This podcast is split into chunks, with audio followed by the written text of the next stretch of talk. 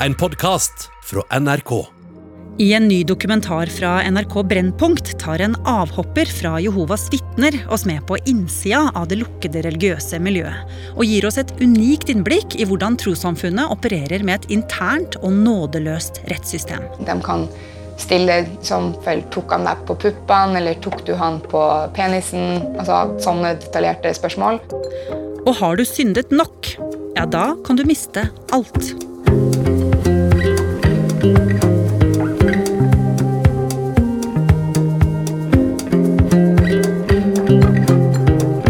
hører på Oppdatert.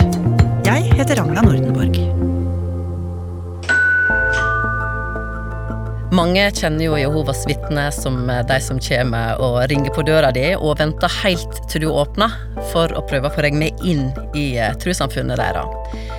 I lengre tid så har vi i Brennpunkt undersøkt lukka kristne miljø, deriblant Jehovas vitne. Og det vi ville undersøke, det var den praksisen de har med intern kontroll av medlemmene sine.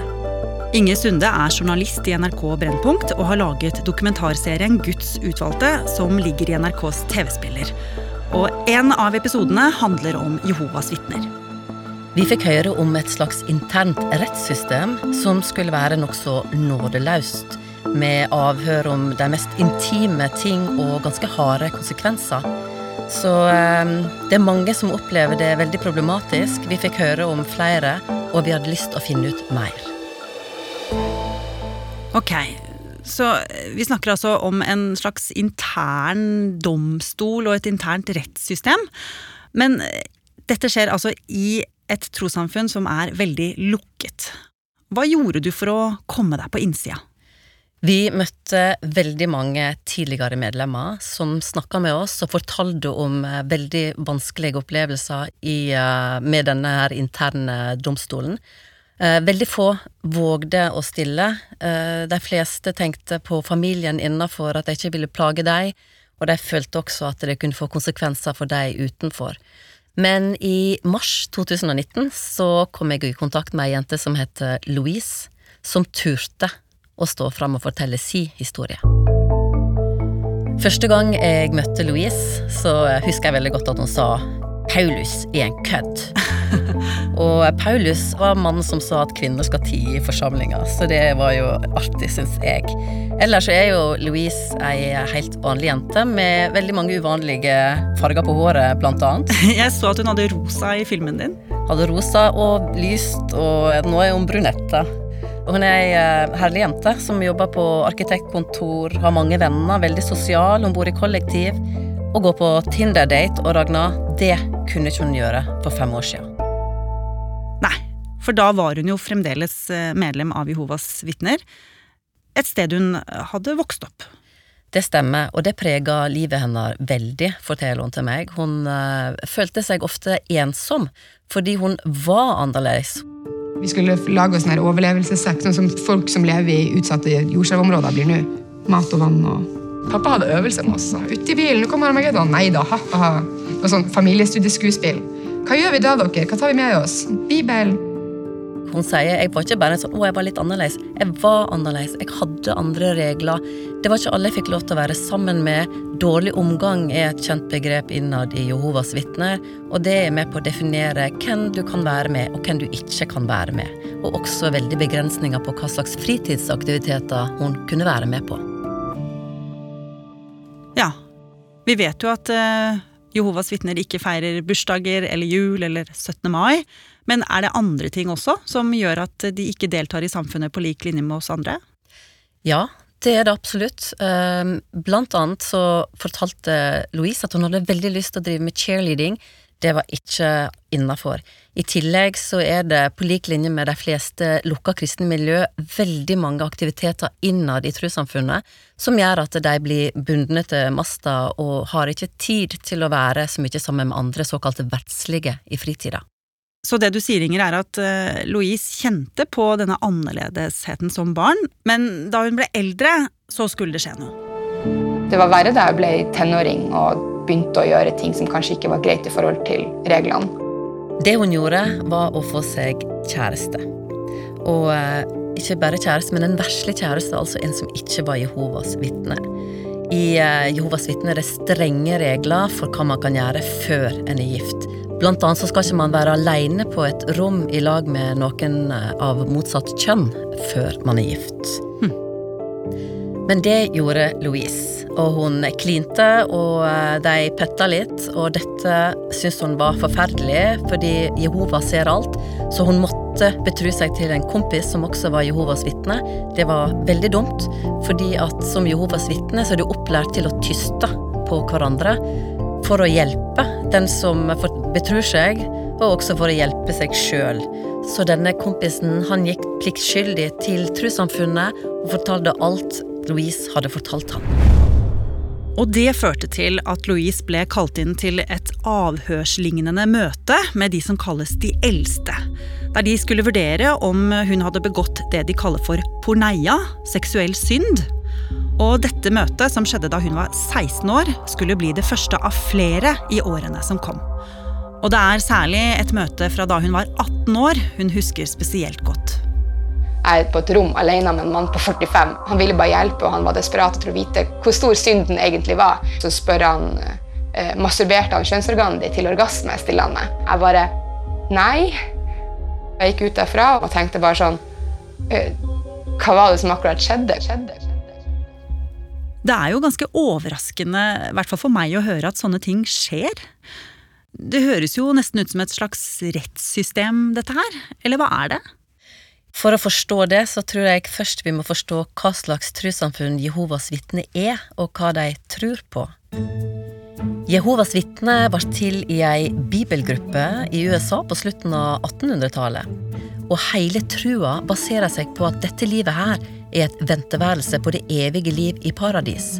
Alt du gjør i dette livet, blir målt, og lever du et godt nok liv, kommer du til paradis. Paradis er ikke noe som finnes her i dag. Paradis oppstår etter dommedag, eller Harmageddon, som Jehovas vitner kaller det. Og paradis det er faktisk her, på jordkloden. Og der blir alle Jehovas vitner boende. Og vi andre som ikke har gått inn i trossamfunnet, vi dør, vi blir tilintetgjort i Harmageddon. Så det er derfor vi ser dem gå rundt og banke på dører og be oss om å bli med inn i da det som blir evigheten. Så misjoneringen er veldig godt ment. Det er stort sett veldig velmenende folk i Jehovas vitner, men selve systemet kan bli sett på som antidemokratisk, nesten som et parallellsamfunn der medlemmene ikke får stemme ved valg eller avtjene militærtjeneste, og alt blir styrt fra hovedkontoret i New York, der åtte menn som skal være utvalgte av Gud, sitter på toppen og styrer. Og hva er det egentlig disse mennene styrer etter? De styrer etter Bibelen, og eh, Gud kaller dem for Jehova. Og så tenker de at Bibelen er Guds inspirerte, eller Jehovas inspirerte budskap til mennesker. Og så skal de leve etter Bibelens ord, og dette er grunnlaget for moralen, som blir sett på som ganske streng, og som jeg tenker, Ragna, må være nesten umulig å leve etter i dagens moderne samfunn. Og hvordan klarer da medlemmene å holde seg på den rette sti? Grunnen til at man klarer å holde seg innenfor, er vel frykten for hva som skjer hvis du synder. Og det er her det interne rettssystemet, eller domsutvalget til Jehovas vitner, kommer inn. Og det var nettopp et slikt domsutvalg bestående av tre menn Louise måtte i møte med flere ganger i 17-18-årsalderen. Hele fire ganger måtte hun ta turen ned trappa til kjelleren i Rikets sal i Sarpsborg for å bli forhørt. Eh, de kan stille sånn Var dere naken da? Ble dere naken da? Som oftest har jeg bare grått gjennom dem, fordi at du er så flau og du er så skamfull. og Ikke nødvendigvis du er flau over det du har gjort, men du får en skamfull følelse når du sitter der uansett. Føl deg som eh, et lite insekt som skal bedømmes. bedømmes, bedømmes, bedømmes. Ja, Hvorfor stiller de henne alle disse spørsmålene? Ja, Det høres kanskje rart ut uh, for oss, men dette her er religiøs overbevisning. Det er så viktig for disse tre eldste som sitter nede i denne kjelleren med Louise, å finne ut hva er synden, hvor stor er synden.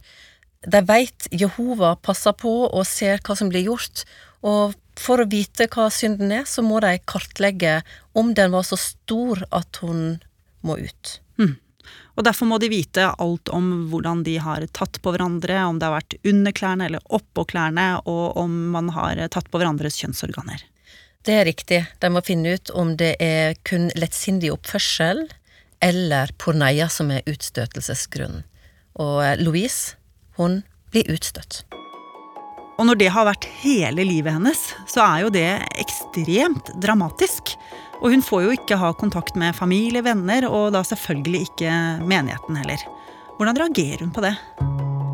Det er jo kjempedramatisk, men samtidig så er hun faktisk litt letta. Hun er lei av å skjule de egentlige følelsene sine for kjæresten sin. Og eh, hun har følelser rundt Jehovas vitner som ikke er helt sånn som de skal være. Hun har begynt å tvile. Så selv om hun ser skuffelsen i ansiktet til foreldra, så flytter hun ut med en viss lettelse og hjem til kjæresten og hans foreldre, som ikke er medlemmer i Jehovas vitner. Men så blir hun urolig. Etter noen måneder så opplever hun hvor vanskelig det er å leve uten den fine, varme og nære familien hun tross alt har på innsida, så hun eh, bestemmer seg for å gå inn igjen. Men å komme tilbake til Jehovas vitner, det er ikke bare bare. Det er en kamp hun begir seg ut på. Det er det absolutt. For å få lov å komme tilbake, så er du nødt til å utvise ekte anger. Så da må du ned igjen i kjelleren til det såkalte domsutvalget og møte de tre eldste, og så kommer de til å måle angeren din. Og hvordan målte de angeren hennes? Første gang så syntes ikke de hun eh, angra nok, så hun fikk avslag. Mm. Andre gang så sier Louise at hun faktisk begynte å tenke om seg sjøl at hun har gjort noe forferdelig galt og syndig, og hun eh, angra så forferdelig på det og ville så gjerne inn igjen at hun klarte å komme gjennom nålauget og bli tatt opp igjen. Men selv om hun da ble tatt inn igjen og kunne møte familien og vennene sine igjen, så var det akkurat som noe hadde skjedd med henne. Det var noe som eh, skurra. Hun eh, skjønte at eh, trua hennes var i ferd med å forsvinne, og hun ble sittende på bakerste benk lenge for å bli straffa, og opplevde at det hele var urettferdig. Hun ble sint, og hun bestemte seg for etter et halvt år at dette her vil jeg ikke mer. Jeg skriver et brev til de eldste, og jeg melder meg ut av Jehovas vitne for godt. Og med det så sa Louise eh, nok en gang farvel til eh, familie og venner og menigheten. Men denne gangen så skulle hun eh, ikke ha noe med dem å gjøre. Utover det man kaller nødvendig kontakt, som er å snakke sammen ved f.eks. dødsfall. Dette gjorde hun i 2015, og så forsøkte hun å stable et liv på beina. Og fire år seinere, i 2019, så møtte hun deg, Inger. Ja, og da hadde jeg veldig lyst å lage en dokumentarfilm om Jehovas vitner, og hadde lest en del i bl.a. Federlandsvennen, som hadde avslørt at eh, opplysninger fra disse domsavhørene blir lagra i blå konvolutter i såkalla konfidensielle arkiv. Og så forsto jeg at Louise er en av de mange som har opplevd å være i eh, domsutvalg, og jeg lurte på hva hun visste om informasjonen hun hadde gitt fra seg. Og hva fant du ut? Det hun hadde blitt fortalt, var at eh, alle notater fra domsutvalget var makulert. Men du satt på annen informasjon? Jeg satt på annen informasjon som gjorde at Louise begynte å jakte på hva som finnes om henne i Jehovas vitner sine konfidensielle arkiv. Så det Louise gjorde, var at hun kontaktet Jehovas vitner per e-post og telefon, og så spurte hun om de hadde tatt vare på notatene fra avhørene de hadde gjort med henne, der hun måtte beskrive hva hun og kjæresten hadde gjort med hverandre. Hun fikk til svar at den eneste informasjonen menigheten satt på om henne, var helt generell og ufarlig. Men Louise mistenkte at dette ikke var hele sannheten. For lekkede interne notater fra Jehovas vitner viser at de eldste skal ta vare på sammendrag fra domsutvalget. De må jo ha en konvolutt med mitt navn på, og den skal jeg se. Det er ikke snakk om noe annet. Jeg nekter dem å ikke vise meg det. Og høsten 2019 bestemte hun seg for å troppe opp ved Rikets sal i Sarpsborg for å få tak i konvolutten hun mente de satt på. Ja, og hun var jo veldig spent, og det var mye som sto på spill for Louise denne dagen. Så det er godt mulig at søstera mi er der. Godt mulig at mamma er der. Eh, bestefar. Jeg vet ikke. Jeg er veldig nervøs for hvem som er der. Gud, jeg snakker mye når jeg er nervøs. jeg klarer ikke å slutte å tenke.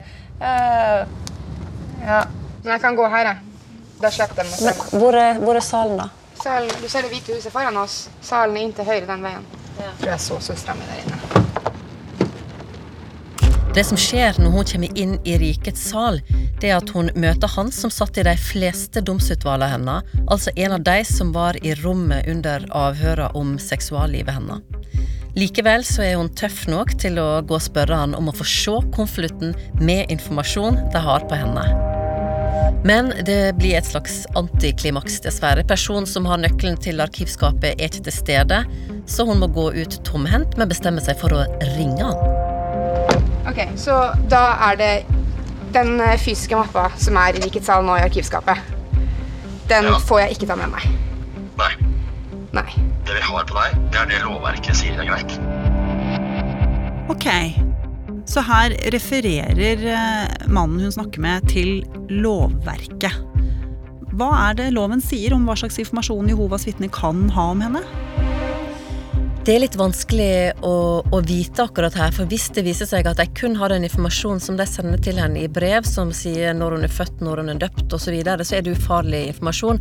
Hvis de har den informasjonen hun mistenker de skal ha, og som også regelverket sier de skal ha, som er sammendrag fra domsutvalg, så kan det være brudd på personvernloven, ifølge advokater vi har snakka med. Mm, Men da lyver jo mannen i telefonen hvis det er det siste alternativet som er sannheten.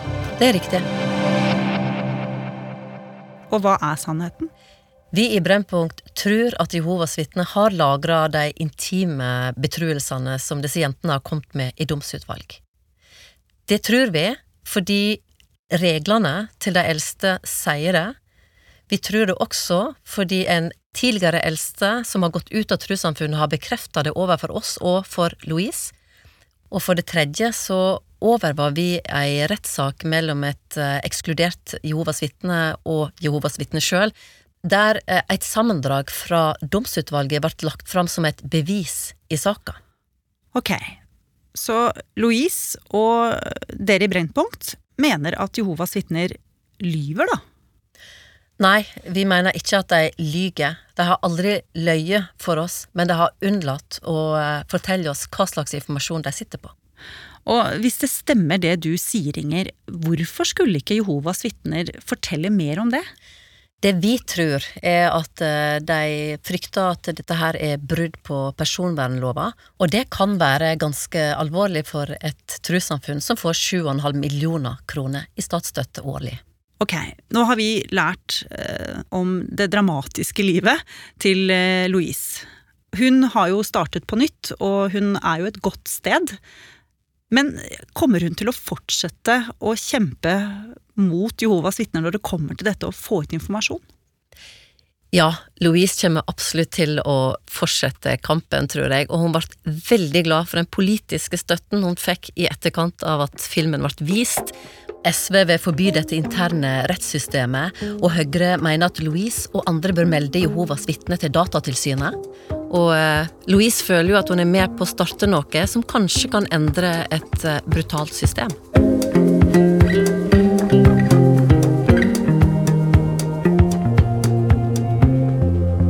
Har du lyst til å bli fast lytter av oss i Oppdatert og få påminnelse om nye episoder, så er det bare å abonnere på oss i NRK radioappen.